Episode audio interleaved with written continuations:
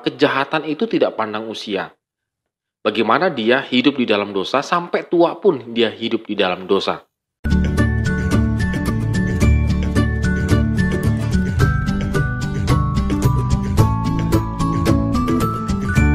Shalom Good Readers, hari ini kita kembali merenungkan firman Tuhan, tetap semangat, tetap optimis dalam menjalani kehidupan hari ini, karena kita yakin percaya Tuhan selalu menyertai setiap langkah kehidupan kita.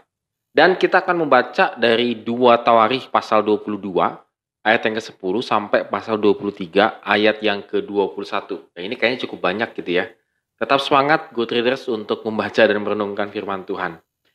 Ya, good readers kalau di film-filmnya mungkin bergenre silat kungfu begitu ya. Kita tahu bahwa ada semacam perebutan kekuasaan. Biasanya sih memang antara raja yang baru dengan keturunan selanjutnya.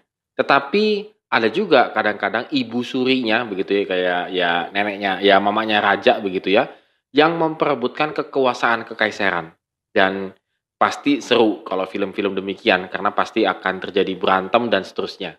Nah, ini memang agak mirip sih cerita ini yang kita baca tadi bahwa Atalia, jandanya Yosafat, itu adalah boleh dikatakan sebagai tua-tua keladi. Makin tua, makin menjadi-jadi.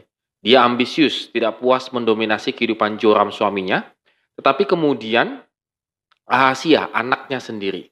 Sesudah mereka gugur, ia tidak lagi menyembunyikan keinginan untuk menjadi orang nomor satu di kerajaan Yehuda.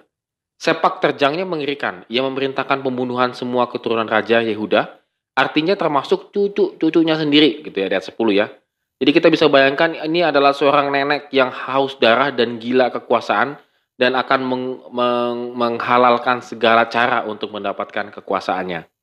Kita bersyukur karena Tuhan memiliki jalannya sendiri untuk menyelamatkan orang pilihan. Dan pada waktu itu yang diselamatkan adalah Yoas. Yoas berhasil diselamatkan oleh Imam Yoyada.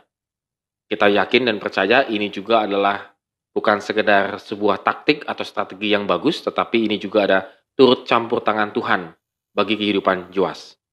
Imam Yoyada kemudian membangun kekuatan spiritual moral bait Allah untuk menentang kesewenangan Atalia dan ia berhasil. Bahkan juga berhasil menobatkan Yoas yang baru berusia sekitar enam tahun untuk menjadi raja baru bagi Yehuda melalui satu upacara yang mengesankan. Nah, Imam Yoda ini mengambil inisiatif boleh dikatakan itu ya, untuk melakukan hal ini karena ia karena bukan saja ia e, melihat kerajaan Yehuda yang akan terancam dan hancur, tetapi juga karena memang bangsa Yehuda itu adalah termasuk bangsa pilihan Allah. Matinya Atalja menjadi perlambangan kembalinya pengakuan bahwa Tuhan adalah raja bagi Yehuda. Nah, good kita bisa melihat di sini bagaimana Tuhan juga menyelamatkan ya Yoas dengan berbagai macam cara dan juga Jojada yang memiliki hati yang tulus untuk menyelamatkan bangsa Yehuda dan dia meyakini juga ini adalah bangsa pilihan Tuhan, maka dia dengan sukarela menyelamatkan Yoas. Tetapi kalau kita boleh renungkan ya good readers ya, dari cerita ini kita bisa melihat bahwa kejahatan itu tidak pandang usia. Terkadang kita melihat ada orang yang semakin bertambah usianya, semakin berhikmat. Itu bagus.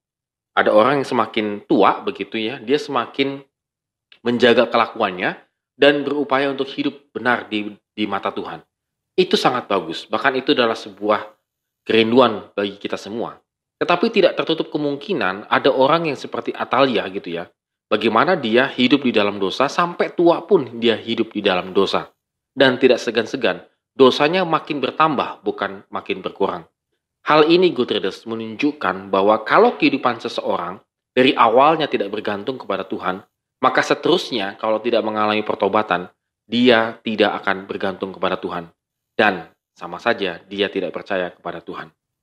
Oleh karena itu, Good pada hari ini kita kembali diingatkan bahwa pentingnya day by day kita bergantung kepada Tuhan. Supaya kita tidak jauh daripada Tuhan atau melakukan dosa yang semakin lama semakin dalam kita terprosok. Mari Good pada hari ini kita berdoa dengan sungguh-sungguh kepada Tuhan supaya setiap langkah kehidupan kita diatur oleh Tuhan supaya menjadi berkat bagi banyak orang dan memuliakan nama Tuhan. Amin. Have a nice day and God bless us.